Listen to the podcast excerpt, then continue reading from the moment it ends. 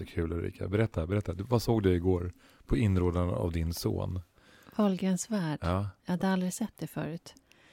Och det hade uppstått ett gräl eh, mellan mor och dotter. Okej. Mm. Och han tyckte att jag borde se det. Eh, därför att det fanns Ett, Visst. ett riktigt gräl alltså? ett riktigt, riktigt stort gräl. Eh, Inför kamerorna? inför kamerorna. Okej. Mm. Och grälet handlade mycket om att de hade haft, en, hade haft det svårt tillsammans. Och att mamman eh, tyckte att nu har vi pratat så länge om det här och vi har vänt och vridit och, och nu är det faktiskt dags att, att kunna släppa Mm. och kunna gå vidare. Medan dottern kände sig inte sedd. Kände sig Mm. inte... Eh, vadå gå vidare? Mm. Jag är inte färdig. Mm. Du har inte sett vad det är jag pratar om. Hon kände inte att de var klara. Mm.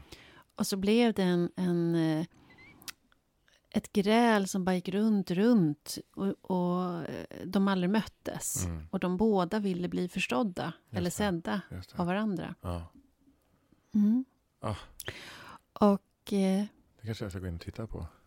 ja, det blev jätte, jättetydligt. Och jag tror att som förälder, jag kan känna igen mig själv Mm. i att där man kommer när man hade tonåringar och, och eh, det fanns mycket, mycket att, att diskutera och ibland blev det gräl och, och eh, att man som förälder kan känna sig, nej men vänta nu, snälla kan vi inte, kan vi inte vara i det som är nu? Mm. Eh, samtidigt som man förstår hur otroligt viktigt det är att den andra får bli sedd i sitt. Mm. Eh, och den andra känner sig inte sedd. Mm. Alltså det här att man, man båda vill så väl och man, man dansar i otakt. Mm. Eh, och hur lätt att det, är, att det blir så. Det behöver inte bara vara barn och föräldrar. Det kan ju vara en par, partners eller... eller ja. Mm. men, men det var en sån tydlig dans där, Mm. de, Men jag, jag tänker också ibland, alltså, nu, just i det här fallet, alltså, eh, det här barnet är ett, en ung vuxen, eller hur? Mm. Ja. Eh, det finns också någonting av att, eh, och nu relaterar jag faktiskt till det här, eh, både som förälder och som eh, minnet av att vara ung vuxen eller Mm. barn. Eh, där det också finns ett ansvar också hos den unga vuxna att se föräldern och Mm. också sätta in föräldern i ett annat sammanhang Mm. än enbart att vara en förälder för den. Att, en, att, person, att, att vi som föräldrar också är, har egna viljor, egna liv, eget, Mm. egen, eh, egen mm, vilja liksom att göra någonting. eh. Fast undrar om det där är köns... Det där undrar jag om det finns skillnad mellan hur mammor... Nu pratar vi koll, alltså nu pratar vi grupp, det finns ju massor med undantag. Mm. Och papper som grupp och Mm. massor med undantag. För jag satt i bastun igår kväll och pratade Mm. precis om det här med en Mm. väninna. Eh, när vi tog vårt kvällstopp. Och då eh, pratade vi just om att vara förälder och att... Eh, ehm, ehm, att ha ett, ett barn som, som beskriver sin smärta eller sin sorg över att inte ha blivit tillräckligt sedd eller fått tillräckligt eh, fått göra tillräckligt mycket saker eller eh, inte känt sig uppmärksammad i alla tillfällen, eller vad det nu är för någonting. Och att man som förälder bekräftar det. Jag förstår, jag Mm. hör. Mm. Eh, men så pratade vi då vuxna väninnor ihop. Mm. Och så sa vi till varandra så här, ja, fast jag har ju väninnor som nu säger så till sina barn. Jag var med, jag var där och såg henne. Hon slet som ett djur. Hon, Mm. slog, hon slog knut på sig själv 45 gånger. Hon gjorde Mm. allt som stod i hennes makt. Jag såg det. Mm. Hon kunde inte ha gjort en grad mer. Det betyder inte att det blev tillräckligt för barnet. Absolut inte. Exakt, Det, har, det finns inget samband däremellan. Nej. Men när är det läge att tala om för den unga vuxna? Nej, du fick inte allt du hade, skulle ha fått. Mm. Så är det. Mm. Jag räckte inte till. Mm. Men när är det läge att säga att jag gjorde faktiskt allt som stod i min makt med de förutsättningar jag hade? Mm. Ska man säga det överhuvudtaget? Alltså jag tycker det. Jag tycker man ska vara transparent eh, som förälder också. Jag tycker man ska vara rak även med sina små barn. Jag tycker inte man ska vänta egentligen med eh, eh, att vänta tills... Jag har ju ynnesten att ha både vuxna och små barn. Mm. Och med mina små barn så vill jag att de ska förstå att jag har också ett liv eh, Mm. som jag behöver få tillfredsställt på ett Mm. eller annat sätt. Eh, Och sår, och bagage, Absolut. och drömmar Ja, och ja. allt det där som Och jag tycker människa. att på det sättet har det också blivit mycket lättare. Eh, att på det sättet liksom förklara för barnen att jag, har också det, jag har också behov. Mm. Eh, och eh, jag känner också att det är en del av en, en god uppfostran. Att det, det skapar, gör att mina barn blir mer empatiska tycker jag. Mm. Men du, Ja. vi ska ju ha en gäst också. ja, du har ju redan nämnt henne, Ja, eh, Emma Stenström. ja. Mm. Det är ett fantastiskt möte faktiskt, roligt möte. ja. Emma Stenström är docent på Handelshögskolan i Stockholm. Mm. Jag tror till och med att hon har eh, varit lärare till en son till dig. Ja, det stämmer. Ja. Hon har dessutom varit gästprofessor vid Konstfack. Ja. Alltså det finns så mycket hon, den Ja. människan har gjort. Hon är Och också gör. Hon och är gör. med... hon är krönikör på Dagens Industri. Hon är väl enga- engagerad i Dansens hus? Sitter i styrelsen.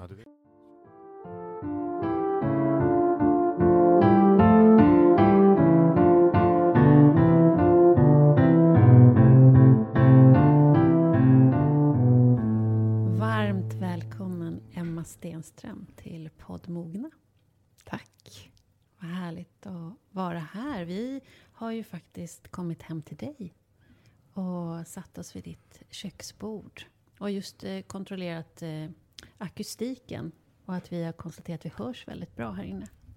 Bra, jag är så glad att ni är här, för jag har saknat att ha folk på besök så länge, så det är så mysigt. Ja. Ja.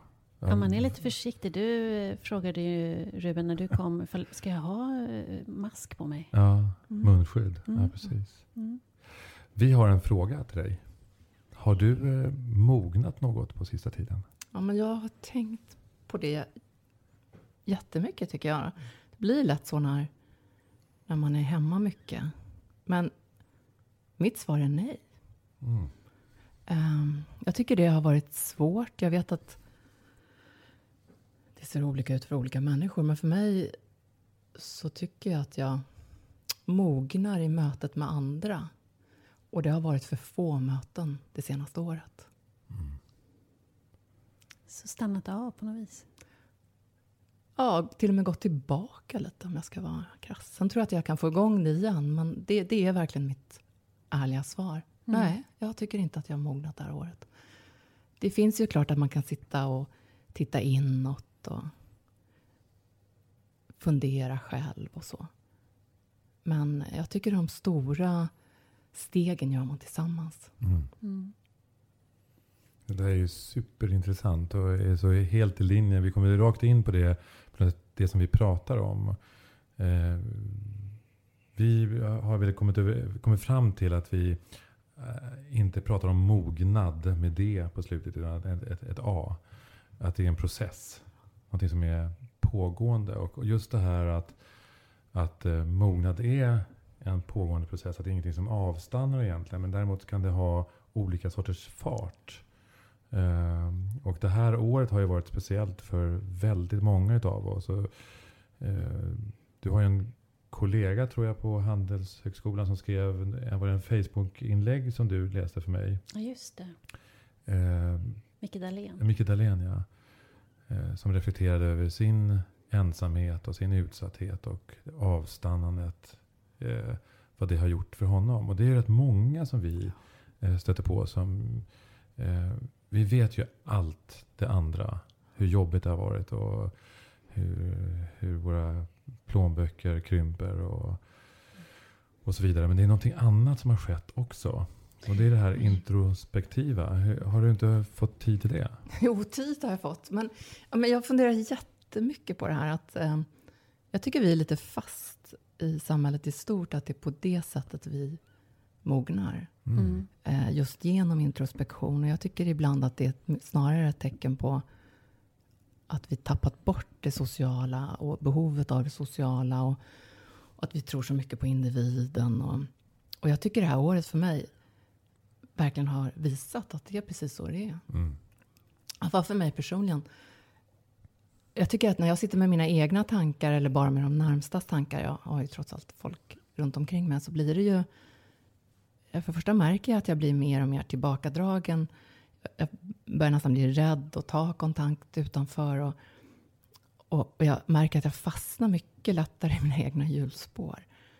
Eh, men vi kanske är olika. Men jag, vet, jag, jag gjorde någon gång en så här medelåldersmatris. Som jag skrev en krönika om och som jag gjorde en film och så här. Um, och för mig, då tänkte jag så här, ja men det, det, finns två axlar som är viktiga. Den ena är att mogna. Mognad låg på den ena axeln. Och den andra för mig var en öppenhet. Och jag kände att jag ville liksom, jag, jag har reflekterat mycket över det där, att det händer någonting så här efter 50 kanske ungefär, där en del av mina kompisar inte går mot större öppenhet, utan tvärtom. Mm. Och andra gör det. Och jag har funderat jättemycket på det. Man, kan man, man behöver kombinera de där två. Öppenheten och mognaden. Och då hamnar man uppe i det hörnet som åtminstone jag strävar mot. Um, och vad kallar du det hörnet? Men det har jag, I den då kallar jag det för vis. Ah, visdom. Ska jag försöka uttala det utan ett så starkt vi, by, i. Det är väldigt svårt. vis. är det fel att använda sånt vis? Vi har pratat om det tidigare. Det blir lätt så. Jag jobbar trots allt på Handels, så får man sådana där in på köpet. Men ärligt talat, jag önskar att det var ett spännande begrepp. Jag kallade det för vis. Eh, och sen så, och så tyckte jag att det, ditåt vill jag nå. Men för mig handlar det väldigt mycket om en kombination av öppenhet och, och vad jag kallade mognad. Så att, ja, där är mm. jag. När jag frågade dig eh, om du skulle vilja vara med i Poddmogna och där jag beskrev lite kort om att vi vill resonera kring vuxenutveckling. Då svarade du nästan med utropstecken. Ja, visst, jag älskar ämnet. och då blev jag ju jättenyfiken. Ja. Var, var kommer det här engagemanget ifrån? Men dels tror jag att det kommer från teorierna, trots allt akademiker.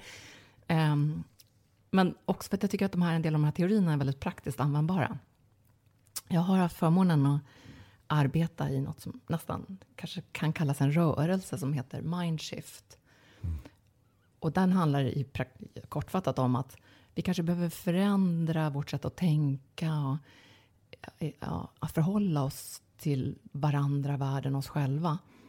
För att vi också ska kunna uppnå hållbarhetsmål och skapa mm. en hållbar tillvaro. Och så. Eh, så då har vi sysslat mycket med det och där har vi bjudit in många människor som har sysslat med just hur, vad gör vi då? Hur utvecklas vi? Och det är ju ingenting som stannar av när vi är 25 och klarar med en universitetsutbildning, utan det är något som fortsätter hela livet. Och det där är spännande. Jag tycker till exempel, som ett exempel, att det är att fundera på, nu är jag tillbaka lite samma grej, men fundera på hur vi tänker. Och om vi kan utveckla ett mer komplext tänkande inte komplicerat, men mer komplext. Där mm. vi kan ta in mm. olika perspektiv och låta vårt eget tänkande Lite växa. Mer gränsöverskridande. Ja, och, och så trillar man ju tillbaka då och då. Och så försöker man gå framåt igen. Mm. Men jag, och det tycker jag är väldigt spännande. Och jag tror att man skulle kunna få en stor utveckling mm. mm. i organisationer och samhälle av det.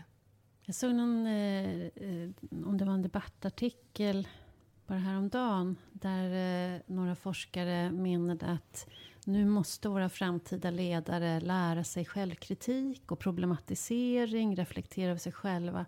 För det är enda sättet för att vår fram, våra framtida ledare ska ta ansvar för vår planet. Ja. Jag läste också den artikeln. Mm. Mm. Och det är, likna, det är ju Precis liknande. Det du säger. Ja, absolut. Och, eh, och föra in det redan på universitetsnivå, och mm. utbildningsnivå och skolnivå. Så förstås också. Men även genom hela livet. För jag kan tycka att ja, vi kan ju glömma det lite grann. Att vi pratar ju mycket om att vi ska få nya så här, kompetenser. Vi ska lära oss ett nytt språk eller vi ska lära oss att programmera eller sådana saker.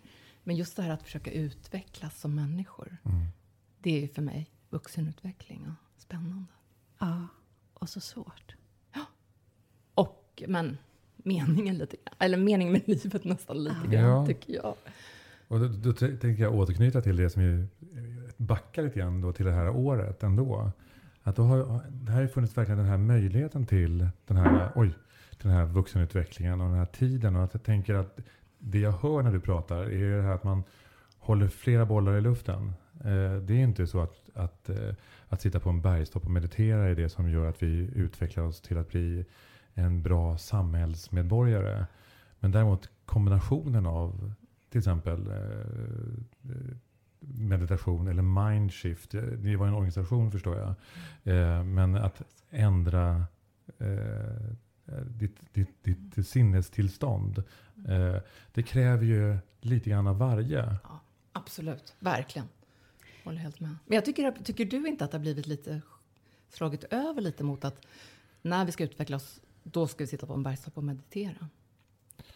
Eh, eh, nej, jag tycker inte det. Jag, jag tycker just att, att jag, i alla fall i, i mitt eh, umgänge så upplever jag liksom att, att det är just eh, en, en förändring nu som sker av att, att eh, eh, nu, det enda som kom upp nu är, för att det sammanhanget är väldigt mycket engelska. Det, we have to deal with the marketplace. Eh, är det många som säger. Vi måste vara på, i, i, i samhället, i det. Eh, vi måste vara där problemen är.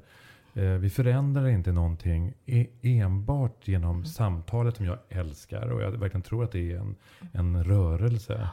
Eh, I ordets verkliga bemärkelse. Att det är någonting som utvecklar. Men det är inte bara där vi kan vara. Eh, utan vi måste, det finns vissa saker som, där jag fortfarande anser att vi måste agera. Ja. Vi måste förändra ett visst sorts beteende. Fast jag håller med dig, Emma. Det är min upplevelse att det är, finns ideal om att vi utvecklas i vår ensamhet. Att, eh, och jag tycker också mig kunna se det i mitt arbete med, där jag jobbar med chefer och mm, försöker att bidra till deras utveckling. Att under det här året så har det ju inte blivit strategifrågor i första hand. Utan mycket mer existentiella frågor som har hamnat på mitt bord. Och där det handlat om att nu har jag fått tid att tänka. Är det det här jag vill? Är det det här? Och jag har fått, plötsligt har jag 24-7 med familjen. Det är också en så här jättemärkligt. Jag, I vanliga fall ser jag ungarna ett par timmar max per dygn. Och jag, plötsligt så har jag dem omkring mig dygnet runt. Och att det har skapat också massa nya tankar kring vilket liv jag vill leva och vem jag är. Och då har man ju pratat om, och det var också det som Micke Dahlén skrev om, att det här att stanna upp, att sitta still i båten. Att det har givit sådana fantastiskt stora insikter av att värdera det lilla. Så det finns ju, jag tycker att mycket av den mycket av de samtalen pågår också. Att när det stannar, det är då jag växer. Mm. Till skillnad mot det du säger, när du är i möten, då växer du. Ja. Så att det här finns ju uppenbarligen individuellt, hur man upplever det. Men där tror jag ordet balans är viktigt. Mm. Precis, att vi behöver ju bägge delarna. Och vi behöver definitivt också handlingen. Ja, vi- Aktionen. aktionen. Ja. Jag tänker, vad som kom upp nu faktiskt, det var ju fan Alexander, eh, Gustav Adolfs eh, tal på slutet. Jag har haft ynnesten att spela den rollen på, på Dramaten. Men det talet handlar just om, om det här som vi pratar om. Och att, och att uppskatta det här lilla. Att världen pågår där ute. Men att vi ibland måste gå tillbaka och bara titta på det här lilla. Eh, Det, det goda skrattet, det, den goda maten och så vidare. Att det finns någonting, det finns en hel värld, ett univers, en universum i, även i familjen. Eh, men det finns också ett universum i att spegla sig själv, att reflektera över tillvaron. Eh, men återigen, vi, vi, kan, vi, vi måste ha en, eh, människor att spegla oss i också, för annars blir det knasigt. Annars blir det nog det här som vi har haft en- andra gäster med, där man eh, bara speglar sig i exakt samma åsikter eller man Man blir hamnar i sekteristisk. sekteristiskt. Ja. Ja. Mm. Ja, men det är spännande, men för att kunna spegla sig själv behöver man förstås känna sig själv också, veta vem man är, för annars blir man inte så intressant spegel heller för någon annan. Såklart. Så att det är ju den här balansen som behövs, jag tror det.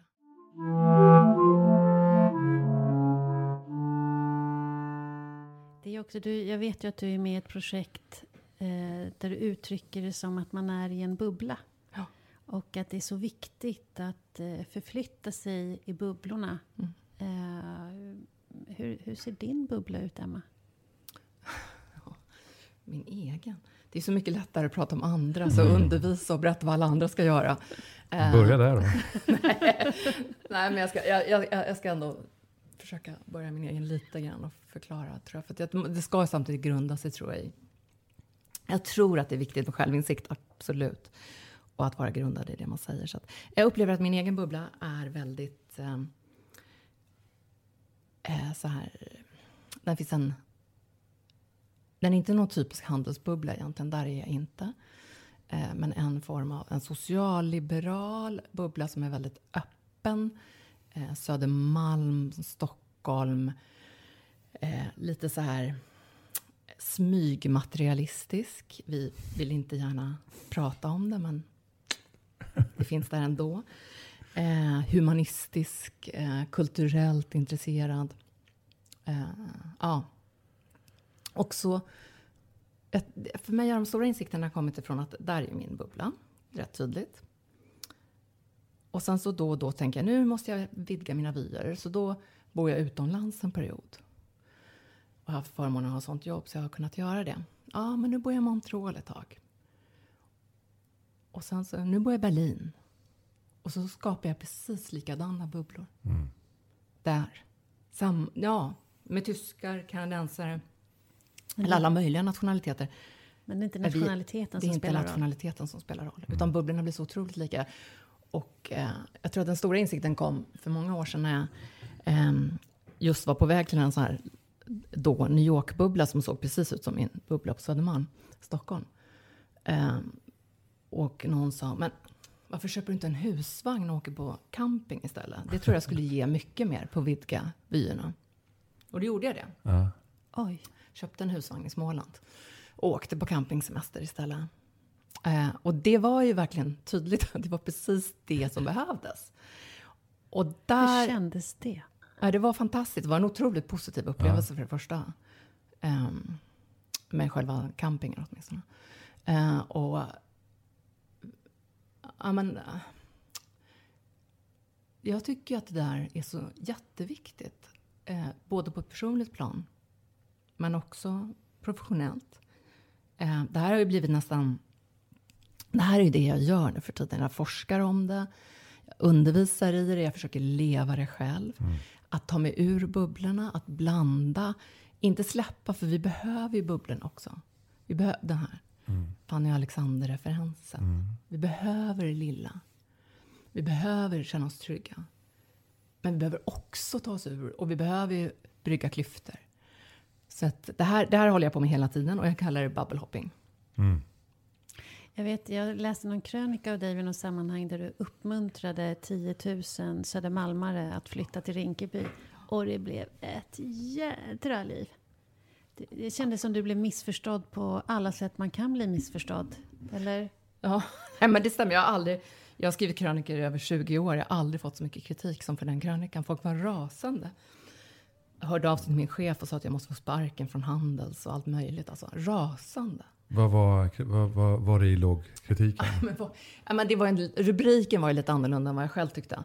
Men tanken, min tanke var, och jag är ju på väg själv att göra precis det jag sagt. För att det är, eh, det är liksom dags för det känner jag. Eh, jag tror på blandade miljöer. Eh, jag tror på att det är bra att blanda bostadsområden. Jag tycker vi har för mycket segregation. Eh, så att jag vill ju flytta från Södermalm själv. Och jag vill flytta eh, vi tittar på lägenheter i Rinkeby, Tensta och Hallonbergen och lite olika platser just nu. Ehm, och när jag föreslog att vi kanske kunde göra några stycken, hundra sa jag faktiskt. Det var inte fler än hundra tror jag till och med. Var det bara hundra? Ja. Och jag drog till med tiotusen. Ja, vad sägs om att hundra Södermalmsbor flyttar till eh, till exempel Tensta? Ja, folk blev rasande över det. Men vad, vad, vad var det de, vad, vad, vad Det var ju också politiker kritiken? som agerade, alltså gick ut Men vad blev man arg på? Ja, men rubriken blev man lite arg på, för då stod rubriken stod att fick man att tro att, att jag ville tvångsförflytta folk. Men det vill jag inte. Nej.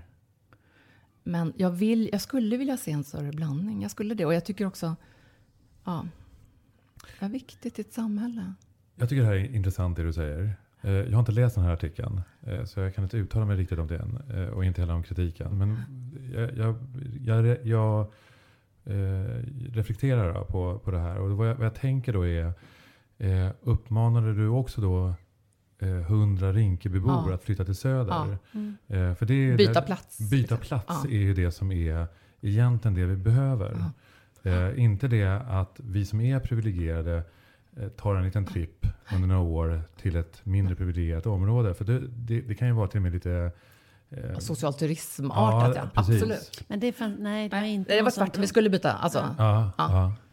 absolut. Ja. Så blandningen var ju själva kontentan av, Ja. det, Men jag tror att, det, som jag minns var kritiken handlade mycket om att du trodde på tvång, så att det var någon Stalin som kom ja, men inspringandes det i fanns ju samhället. inte någonting av nej, det. nej, nej, men det, det fanns en sån kritik. Det finns något mer tror jag. Alltså, för jag har aldrig mött så mycket kritik som efter den krönikan. Ja, det, men det finns, ja, näst, den andra har jag fått mycket kritik för. Det var när jag föreslog att vi borde ha någon slags eh, typ militärtjänst, fast inte alls med militära förtecken. Där vi också blandade människor från ungdomar, att de gjorde någon form av hållbarhetstjänst. Och man fick välja väldigt mycket själv vad man var intresserad av. Den typen av initiativ finns ju bland annat i Tyskland. Och, eh, EU har liknande. Men då blev folk också rasande. Mhm. Det är, och det där, jag tror det är två lite skilda saker. Jag tror det där boendet, det handlar om att identiteten ligger mycket i boendet och var man bor. Och, Eller att inte få Adressen. välja. Att man, att det, men det fanns ju ingenting av det. Jag, Nej, men jag tror känslan. Alltså jag Ja. tror kritiken handlade om... Eh, det är precis som... Vi är ju många på Södermalm som haft diskussioner och möts kring att vi borde egentligen placera våra barn i skolor i Rinkeby. Men det gör vi inte. Nej. Vi sätter dem i resursstarka skolor på Södermalm. Eh, och att det var... Eh, kritiken handlade om att ska det komma mycket av att är det någon annan som ska bestämma var jag ska sätta mina barn eller var jag ska bo någonstans. Och det var absolut inte det. Nej. Det var blandningen du var ute efter. Det var jättetydligt. Ja. Men vad det bara triggar de här tankarna hos människor, att det blir så läskigt och otäckt. Men frågan är om det bara är att man är rädd för att det styrs uppifrån. Mm. Jag vet inte det. Jag tänker att det kan också ha med avsändaren att göra. Eh, Alltså att vem, vem du är och vad du representerar. Eh, sen vet inte jag vilka krit- kritikerna var. Alltså jag tycker att det förslaget är, låter suveränt. Eh, eh, men jag tänker på att, att, att ibland så glömmer vi bort vem, vem vi är. Och när vi säger någonting så, är, så representerar vi också någonting. Och det i sig ger en bild av de som blir upprörda. Ja. Eh, man blir rädd för att en, en person från, om, eh, ja, nu hittar jag på här nu, men en, en, en elitperson uttrycker de här åsikterna.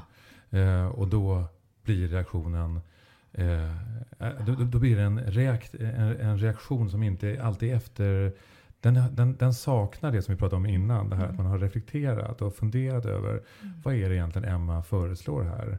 Utan då får du representera någonting eh, helt annat. Och man kommer också bort ifrån sakfrågan. Eh, Det är framförallt det. Man Ja. lämnar ju sakfrågan, Ja. det som du skrev om, till att handla om någonting annat. Ja. och, Och man vill så- inte heller fika, för jag föreslår ju då alltid att, man, att vi ska ta en kaffe. Men det, där har du ju. Mm. Det, det vill man inte vara med om. För det, jag, tycker, jag tycker ju det är jättespännande att möta någon som blir så arg. Ja. Så länge att man är arg i process skulle jag säga. För jag, jag tycker att, eh, eh, att aggressivitet är läskigt. Ja, det tycker för sig jag också. Eh, och jag låser mig när det är någon som, blir, som är rasande. Jag brukar säga under, i kreativa sa- sammanhang, brukar jag säga att jag accepterar i princip vad som helst utan att någon är elak. Ja. Därför när någon är elak, då funkar inte jag. Nej, jag håller med dig. Ja, det är sant. Jag är nog likadan. Jag får ju aldrig fika med de där arga människorna ändå. Så jag vet Nej. inte hur det är. Men antagligen skulle jag också låsa mig. För det, det, Det är där- läskigt. Det är läskigt. Det är lite läskigt. Ja. Och det handlar också om det här vilket samhälle vi vill skapa. Ja. Och det förslaget som du gav, eh, det kanske inte var rätt tid. Det kanske är så att imorgon är det helt rätt tid att skriva den krönikan. Eh. Ja. det, så kan det också vara. Att ibland så hamnar vi, det är liksom, en idé har inte blommat ut riktigt. Den, den har inte mognat. Oh, där kom det ordet igen. Men jag Eh, har tänk- inte mognat riktigt ännu. Men jag tänker att det ligger nog mycket i det här med avsändaren. Mm. Att det är forskaren Mm. här från Handelshögskolan som, som talar. Men du är ju inte bara forskare. Du är ju också en form av aktivist Mm. som blir synligt I, i din, du blir tydlig i dina åsikter. Mm. Det här är ju egentligen inte slutsatsen av en rapport eller en analys av ett samhällsfenomen. Det här är ju rakt upp och ner en åsikt. Det här tror jag mm. på. Det här tror jag är bättre samhälle för oss alla. Var kommer det här ifrån? Den aktivisten Emma. Men, ja. men den har nog delvis alltid funnits där, men man måste skilja på rollerna. Alltså jag måste vara tydlig med när det är forskning bakom. Och det var det ju inte alls i det här fallet. Um, men det finns ju definitivt hos mig, men också hos väldigt många tycker jag nu, en aktivistådra. Andra forskare som också har den här aktivistådran. Inte minst amerikanska. Uh, och jag tror att det kommer från en frustration av att det som, det, man, man, kan inte stanna inom akademin med kunskapen. Och det är precis det du sa tidigare, att vi måste också agera och skapa handling. Mm. Det räcker, det är underbart. Jag älskar att undervisa, det är underbart. Det är underbart och roligt att skriva krönikor och ha, vara med i poddar och så. Men det räcker inte. Utan det är den där handlingen som, som man också vill försöka få till. Och, och det tycker jag, det är så här, upplever jag att jag delar med fler och fler inom akademin. Mm att vi vill också göra skillnad på riktigt någonstans. Hur syns det i din roll som lärare?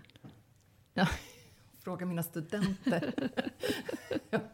ja. men de, det så får de ju göra. Alltså jag har ju typ, ja, många kurser, men två kurser som jag kanske tycker ligger mig närmast och varmast om hjärtat. Den ena, båda, det är en masterkurs och en kandidatnivå.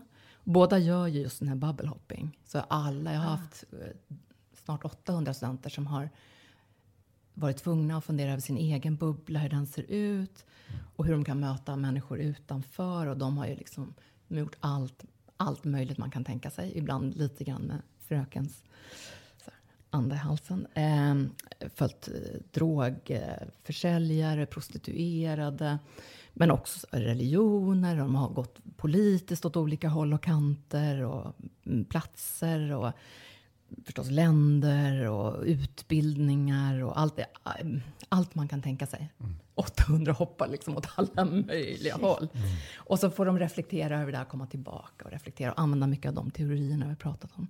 Och fundera på hur de kan använda det här sen när de ska bli beslutsfattare. Och om de har någon nytta. De lär sig mycket så här förmågor, lyssna, ställa frågor, samtala och sånt där. Mm. Och hur, hur, förhåll, försöker man, hur förhåller man sig när någon blir arg till exempel? Eller, och hur lugnar jag ner mig själv? Ja, massvis med saker. Så de där kurserna, de, de, de blir så här att de också ska göra sådana saker. Mm. Och de uppskattar faktiskt, de flesta får jag lägga till. Att det blir en så här pedagogiskt verktyg för att öppna upp perspektiv som känns jätteviktigt idag. Mm. Inte minst när man är på ett sånt ställe som Handelshögskolan i Stockholm. Mm. Jätteviktigt. Det är så otroligt väsentligt. Eh, men sen så gör, är det en massa andra saker så att de ska ju också mina kandidatcenter, de har läst två år, har de läst kurser. Och så sista terminen de där två åren om hållbarhet.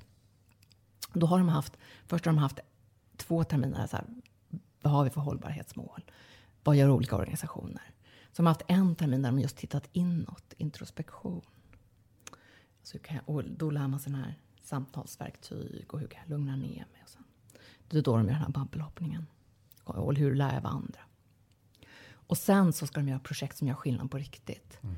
Och då är, det inte, då är det inte längre att de ska göra skillnad på riktigt. De ska hjälpa oss att nå de globala målen.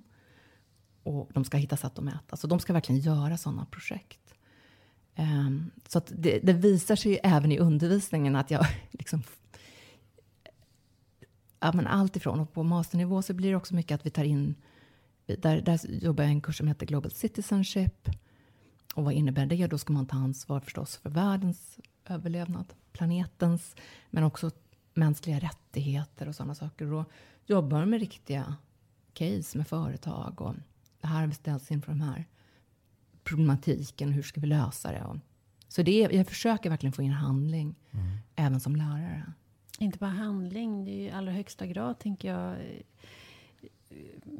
triggers för personlig utveckling. Ja, det också. Att Absolut. Eh, faktiskt nästan tvinga fram eh, för vissa människor tar det ganska lång tid innan man får möjlighet att komma på att det där är givande.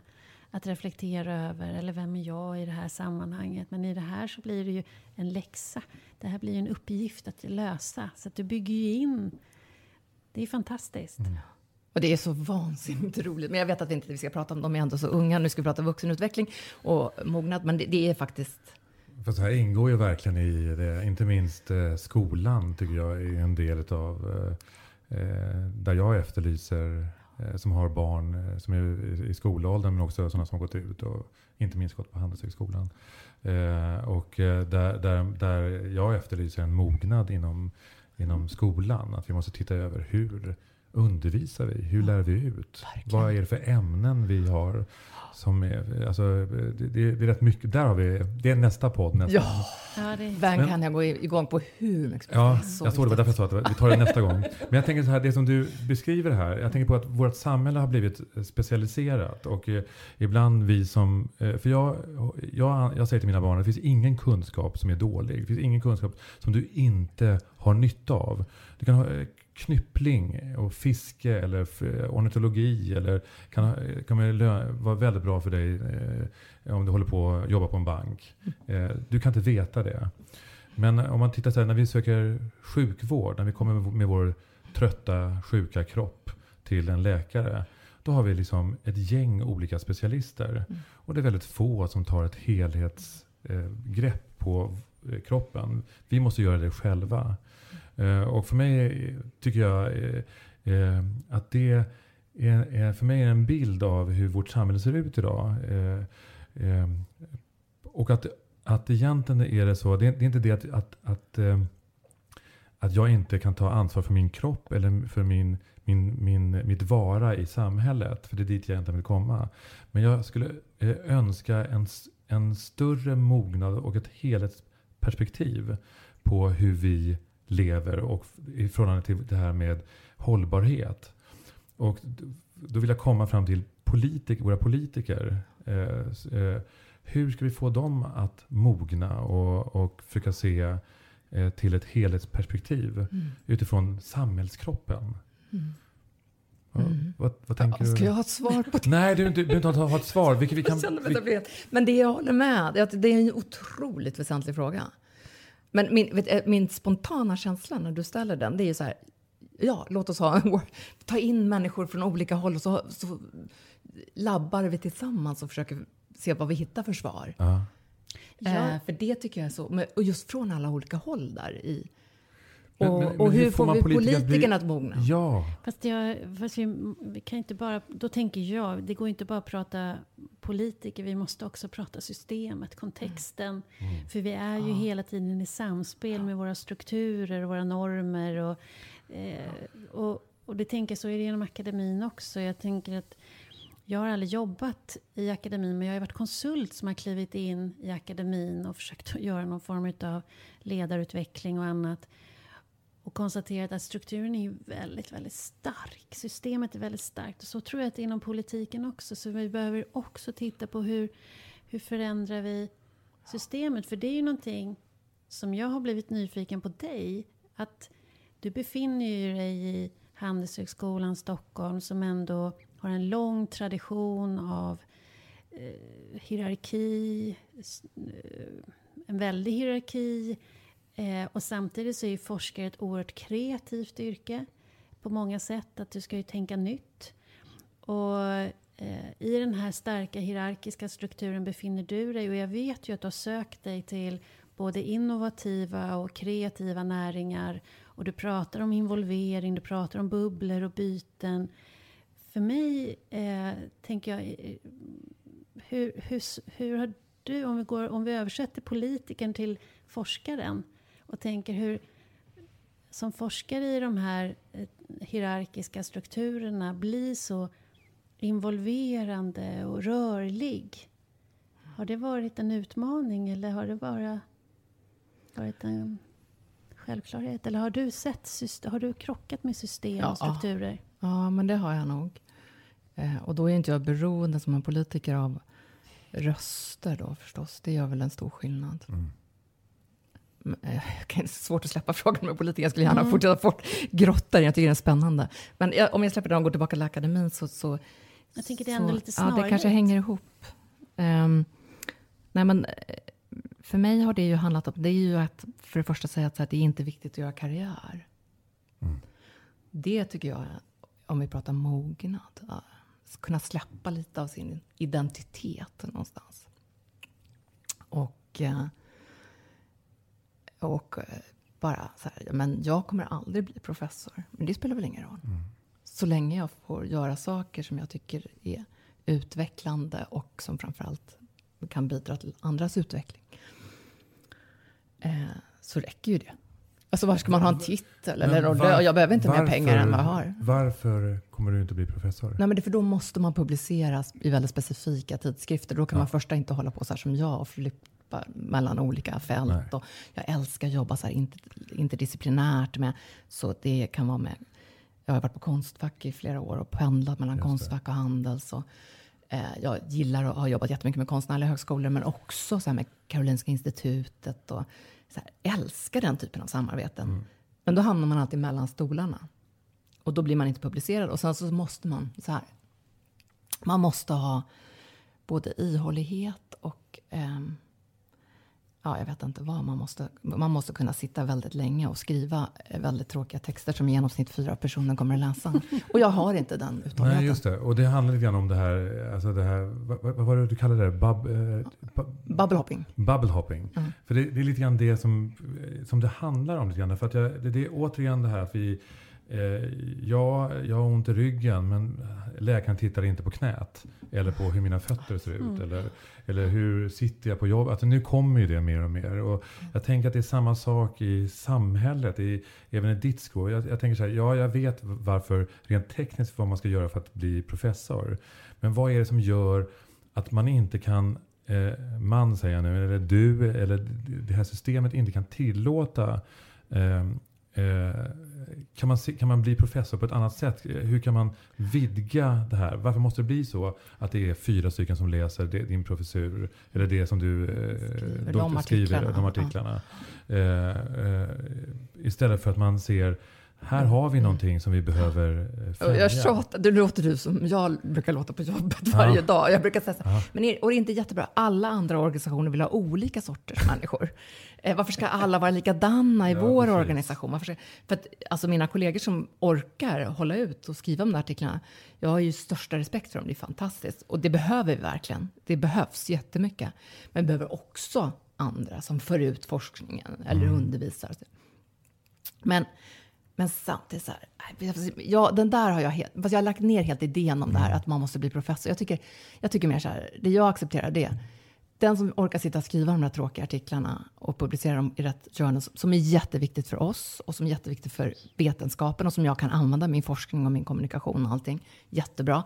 De är värda de där mm. tiotusentals kronorna mer som de har i lön. Det, det får de så gärna. Man behöver inte ha mer än ett visst antal kronor i månaden. Man behöver inte, det är ingen liksom viktigt och man behöver inte ha de där titlarna. Så att, samtidigt så, äh, äh, så känner jag lite när ja. det kommer till titeln. Ja, det, det, det förstår jag. Fast det förstår jag. För du sa nu att jag har lagt ner det där. Var det, fann, fanns det en tid i livet när det ja, var när jag trodde att jag skulle ja. liksom...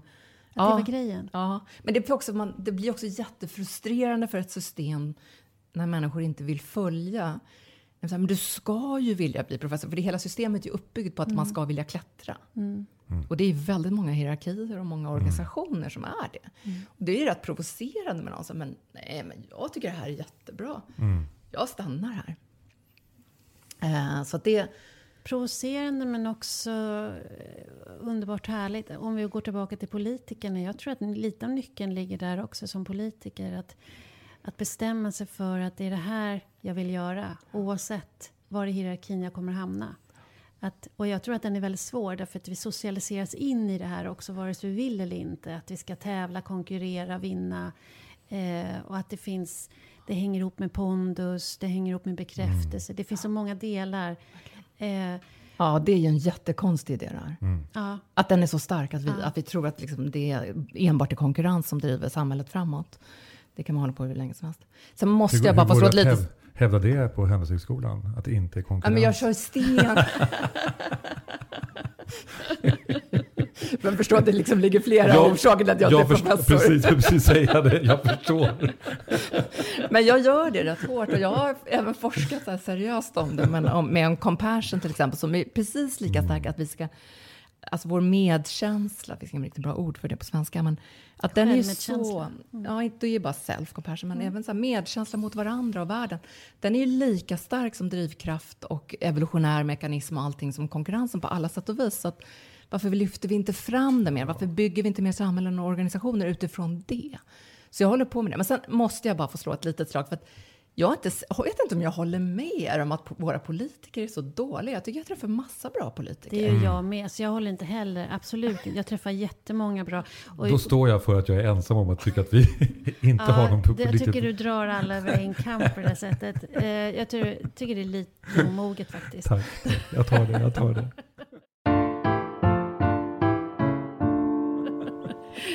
Jag, var, jag har själv drivit ett projekt där eh, kommunpolitiker från alla partier fick träffas och där jag blandade dem i grupper.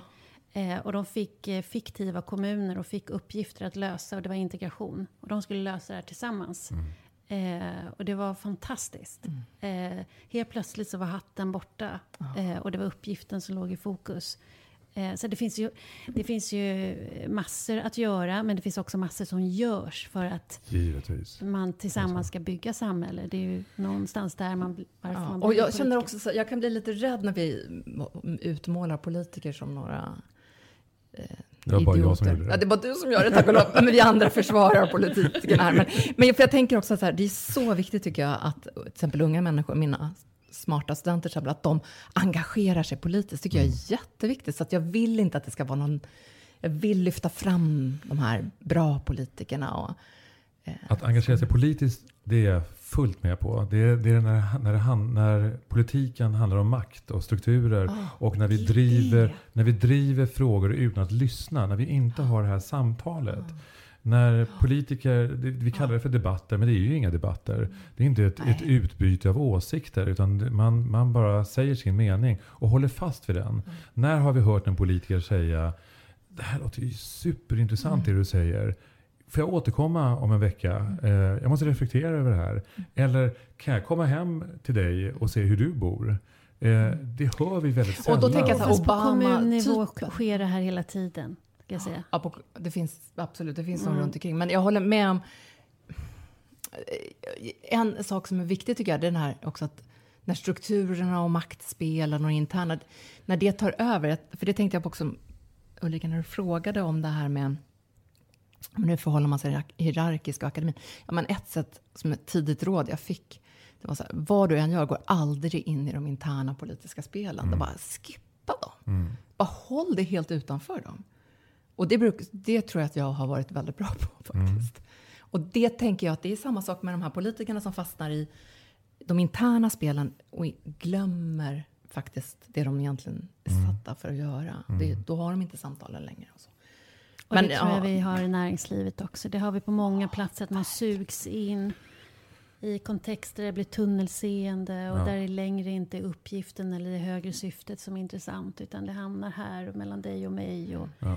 Det, det Inte minst covid-19, alltså man tänker på hur, att det har politiserats. Mm. Snarare än att, vi, att det verkligen drivs som en, eh, som en fråga för eh, hur ska vi komma till, få bukt med det här på flera plan? Mm. Inte bara vad det gäller vaccin. Utan det finns ju många andra delar som vaccinet inte kommer verka på. Inte minst det psykosociala som Verkligen. har fått en, en enorm eh, stöt. Och där upplever jag inte att det finns en gemensam kraft mm. från politikerna mm. till exempel. Utan det har politiserats snarare än att man jag, tänk, jag tänker den här polariseringen, den bjuder mm. också på så mycket missförstånd. Ja. Eftersom vi står vid olika sanningar, så vi misstolkar varandra hela tiden också. Mm.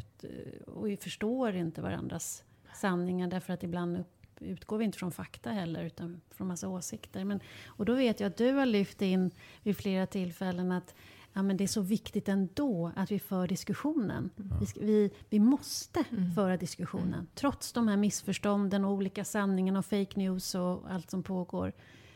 Hur tänker du? Nej, men jag tycker det. Jag tycker det är helt avgörande. Men det är ju just det. Det är hela det här bubbelhoppande projektet handlar ju om det. Uh, att, att försöka uh, utrusta oss med förmågor som gör att vi kan föra svåra samtal. Mm. Eh, och det behöver vi göra på alla Sen så förstår jag att det är naivt och idealistiskt på många sätt. Men att tro att, att det kommer kunna överbrygga liksom, mellan, mellan extremer eller något sånt, det tror jag inte heller. Men, och, och, polariseringens krafter kunde vi hålla på att spekulera länge om. Mm. Och beror på, det kommer från så väldigt många håll, inklusive mina egna bubblor i allra högsta grad, måste jag säga. Den här bubblan som jag tillhör, den socialliberala, vi är ju värst nästan, skulle jag säga, mm. på att skapa polarisering. Så att um, det är ju en jättesvår fråga, men jag tror, jag kan, jag kommer alltid också att tro på vikten av att föra samtalen. Mm. Mm. Får jag citera? Vi behöver, inte, vi behöver inte komma överens om allting, men vi ska kunna ha föra ett respektfullt, nyanserat samtal. Inte sluta med det. Aldrig sluta med det. För, eller Aldrig att man blir trött på missförstånd, att bli missförstådd. Och... Mm. Får jag eh, citera dig och några till? Eh, i, det var, publiceras i Dagens Nyheter. Jag tror den publiceras på fler ställen. Eh, men den, det är så fint. Eh, det står så här. Individer kan växa, utveckla färdigheter och stärka sina inre resurser. Som att utgå från fler perspektiv, tänka mer komplext, värdera kunskap och mogna mot en allt större självinsikt. Denna utveckling innebär ett allt starkare självständigt tänkande som en identifikation och ett ansvarstagande för, inte bara sig själv och sin närmiljö, utan också ett vidare sammanhang som för varandra och för planeten. Eh, det här undertecknade du med flera andra. Ja, vad behöver vi då göra för att nå den här kollektiva mognaden? Har du, du har pratat om bubblor, det är ett sätt. Mm, det är någon slags... Det, är, det här kommer ju från just den här Mindshift-rörelsen som är ett samarbete mellan en stiftelse och flera universitet, både i Sverige och eh, internationellt. Eh, och sen fler och fler organisationer. Och där handlar det mycket om att ta in tankar på, om vuxenutveckling på arbetsplatser. Där har vi valt att göra det. I andra gånger kan det handla om kanske snarare i den offentliga sektorn eller i skolan. Alltså det kan vara lite på olika ställen. Eh, jag har varit involverad i arbetslivsfrågorna. Eh, och då, det, det, är ju en sak som är slående också, att nu när vi har haft den här pandemin och jag är lite förvånad att man inte har gjort mer från många organisationers håll på att stimulera till utveckling eh, på andra plan än att enbart ja, sitta i Zoom-möten eller Teams-möten eller vad man har mm. suttit för digitala möten. Um, jag tycker det, det förvånar mig och jag tänker att det finns en sån enorm potential som man inte riktigt tar tillvara på. För att, vad skulle man kunna göra menar du? Men jag tror att det ibland blir så fina ord och jag tror att man verkligen behöver jobba med handling. Alltså den här typen, den bubblehoppingsgrejen, den är ju typisk en sån att försöka få till mindshift, att vi försöker förstå, det vi har pratat om egentligen jättemycket här, men försöka förstå olika perspektiv, försöka ha svåra samtal, lära sådana förmågor. Och som i sin tur kan innebära att vi också skiftar mindsets lite grann. Man ska använda något modeord idag. Eh, så det kan ju vara så här, man måste göra det i praktiken. Men sen så tror jag det att, att, att till exempel i alla arbetsgrupper man har, om man har det, att lägga tid för reflektioner på hur man också arbetar tillsammans emotionellt. Och det gör man ju ofta sen när det är ledningsgrupper eller styrelsegrupper. Men inte alltid överallt i organisationerna. Varför inte, inte göra? Och inte alltid ledningsgrupper heller. Men verkligen inte. Men eh, kanske en, lite mer ibland. När man säger, men, och det, oj, nu slog jag i mikrofonen. Men att hela organisationen involveras i det här. Så det, sådana saker. Men jag bara eh, jag liksom fundera över vad, vad, vad gör vi? Liksom, har vi? Har vi utvecklats och på vilka sätt har vi De här sakerna vi pratar om här idag till exempel. Föra de samtalen också lite grann i organisationerna. In, speciellt nu kanske när vi har jobbat digitalt ett år som har varit rätt jobbigt på många sätt för många som har haft den här typen av jobb som jag har. Och andra har ju slitit. Och jag förstår, det är jättesvårt. Jobbar man i sjukvården är det ju väldigt svårt kanske att få tid med sådana samtal idag. Men ja, det är väl hela människan igen. Det är väl Mm. där som, det är väl den. Metatänkandet. Ja, Det är helheten. ja det är helheten Det är hela Och det är väl kroppen. tillbaka Vilken till kroppen det. vi pratar om. Om det är företagskroppen eller... Politikerkroppen, Ja, ja, precis. akademikroppen. Ja. Ja, det, här, det måste man ju liksom gå djupare in i. Det blir Ja. svårt att försöka Mm. sammanfatta det så här. Det, det får bli Men- ett men- poddavsnitt till. För det är en struktur som vi inte kommer undan. Och det är tidsstrukturen. Nej. Tyvärr. Det är förskräckligt. Ja, det är hemskt. Ja. För Det här, det, alltså det här är ju ett program till, tycker jag. Ja. Så vi får återkomma. Ja. Ja. Om, eh, ja, men jag tycker verkligen man skulle fördjupa också kanske lite tips kring alla de här människorna nu som, eh, som befinner sig i mycket mer ensamhet, mycket mer isolerade, eh, färre möten. Hur, hur skulle man kunna bidra till ett växande när vi ändå...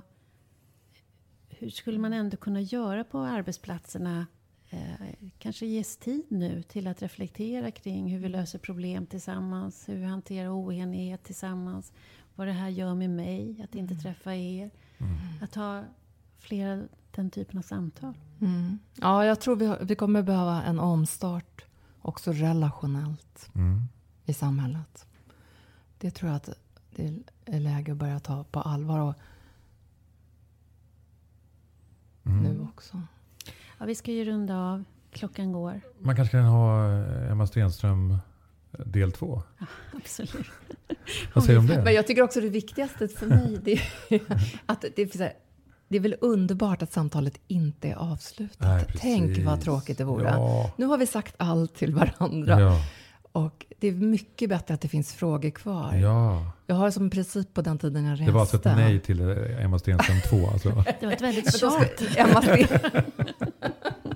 Men då skulle det i så fall handla ännu mer om frågorna som vi ska ställa, tycker jag. Inte behöva kanske ha svaren, utan ha just frågor. Vilka frågor, det tycker jag är det mest spännande. Vilka frågor har dykt upp hos mig nu efter det här samtalet? Ja. Ja. men till exempel den här politikerfrågan som jag tror att jag kommer gå och grubbla rätt mycket på nu.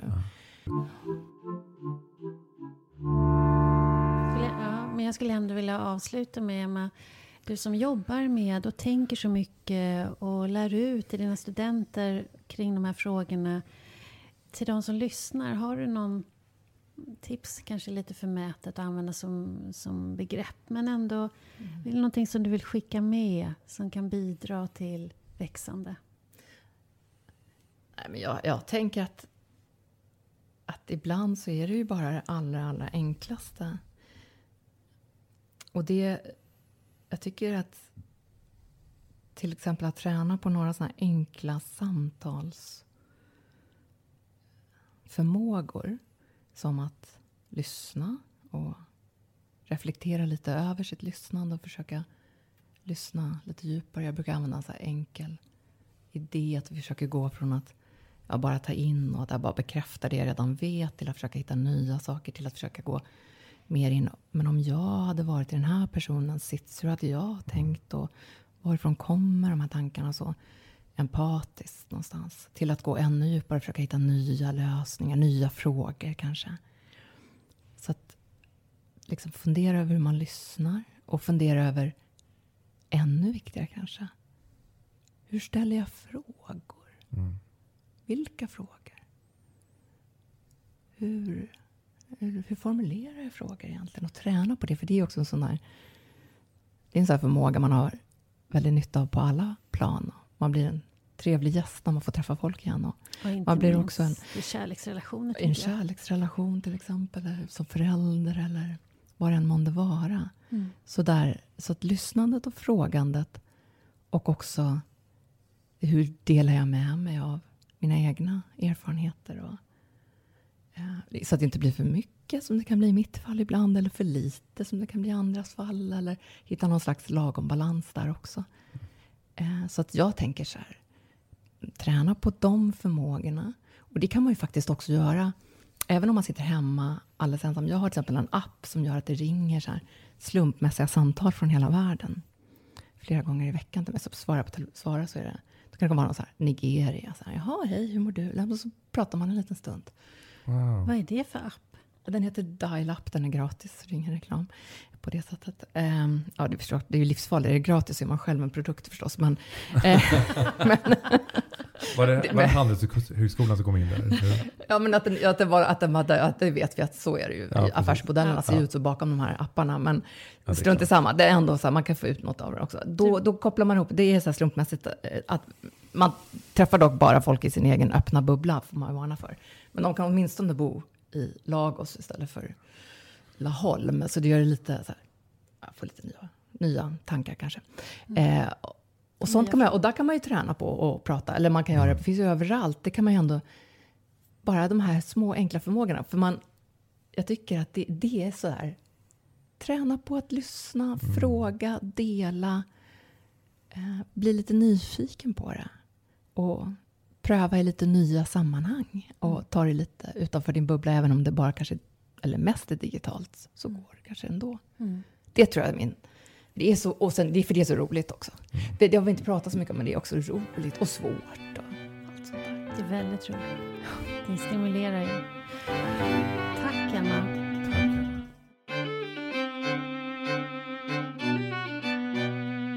Och nu. Arturs reflektioner.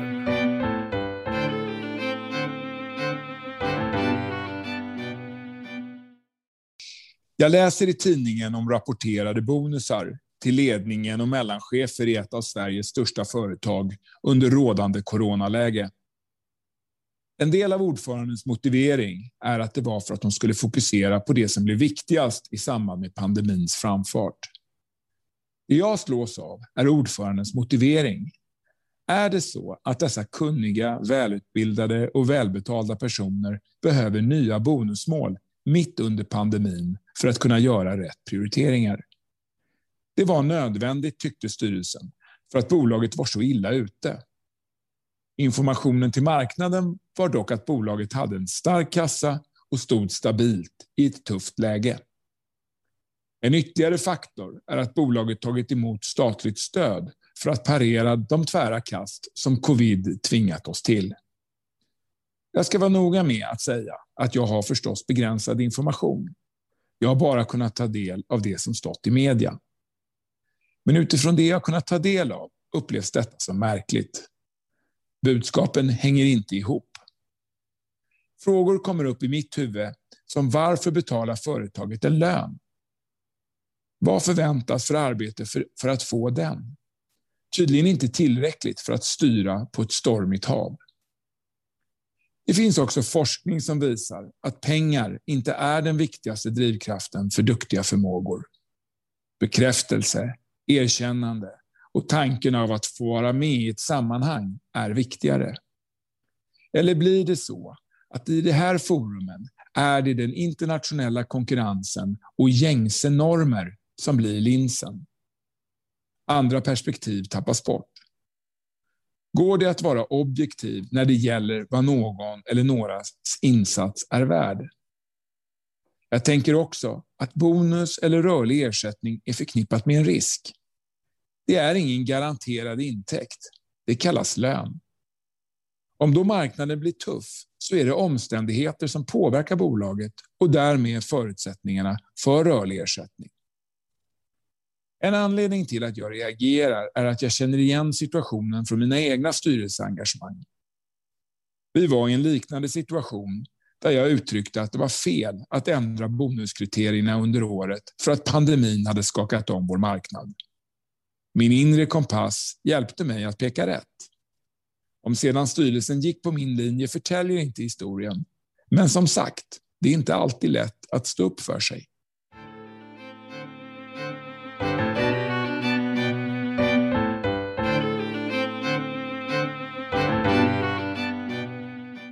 Tack Arthur. Tack, Emma Stenström. Ja. Vilket samtal det blev. Ja, det var väldigt roligt. Ja. Ja, det var så mycket. Vi hann med så många olika ämnen. Så många olika bubblor. Ja, verkligen. Bubble hopping. Ja. Och sen hinner vi inte mer än lägga på. Nej. Och så säger hon, jag glömde ju det viktigaste. Ja. Att hon dansar och inte vilken dans som helst. Nej, vad dansar hon? Burlesk. Ja, Ja. och att det innebar någon slags avklädning. Ja. Och, och det i sig var så otroligt intressant. Mm. Så det som vi faktiskt sa några gånger under själva samtalet, det föranledde faktiskt att vi bestämde ett nytt datum för att Mm. prata vidare om det här, vad det innebar att, att dansa burlesk och med en viss avklädning och att vara kvinna idag och, Och den att- position. Och som att hon har. hon, ja men det som jag blev jättenyfiken på, som jag inte riktigt får ihop i mitt huvud, det är ju det viktigaste feministiska, vad ska kalla hon det för? En av de eh, kraftfullaste feministiska eh, handlingar Ja, eh, som hon hade gjort.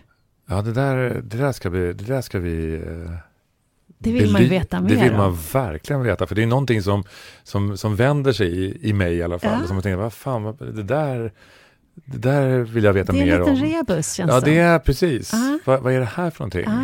Men det, det, jag tänker också att, att eh, vad som kommer upp till mig, det är det här med kroppsaktivism som har kommit upp nu. Eh, eh, eh, vad heter hon? Eh, Mm, eh, Volter, Mm. Stina Volter. mm. Eh, och allt det som finns med där och finns också även ute på nätet att, man, att vissa kvinnor visar delar av sig själva. Som, Fast det är väl jätte... fr- Framförallt, jag tycker det där är svårt, för det är ju väldigt unga kvinnor också. Det är ju tonåringar, Exakt. flickor som står nakna och visar brösten på Instagram för att det är en frigörelse, att jag får vara se ut som jag gör och det Mm. här är jag. Och, Mm. och, och det finns något väldigt fint i det.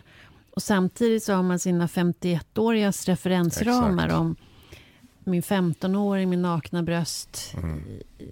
Ja, det skaver lite. Det ska väl lite grann. Eh, det är dubbelt med andra ord. Det är Eh, dubbelt. ja. Och Som här- så mycket annat i Som så livet, mycket Ruben. annat, precis. Och det här dubbla, i, det är det vi ska utforska mer tillsammans med Emma. Mm. Men vi vet inte ännu vilket datum. Att till hösten. Är det så? Mm, så blir det. Okej, Mm. Mm. bra. Mm. Tack för idag. Tack. Hej då. Hej då.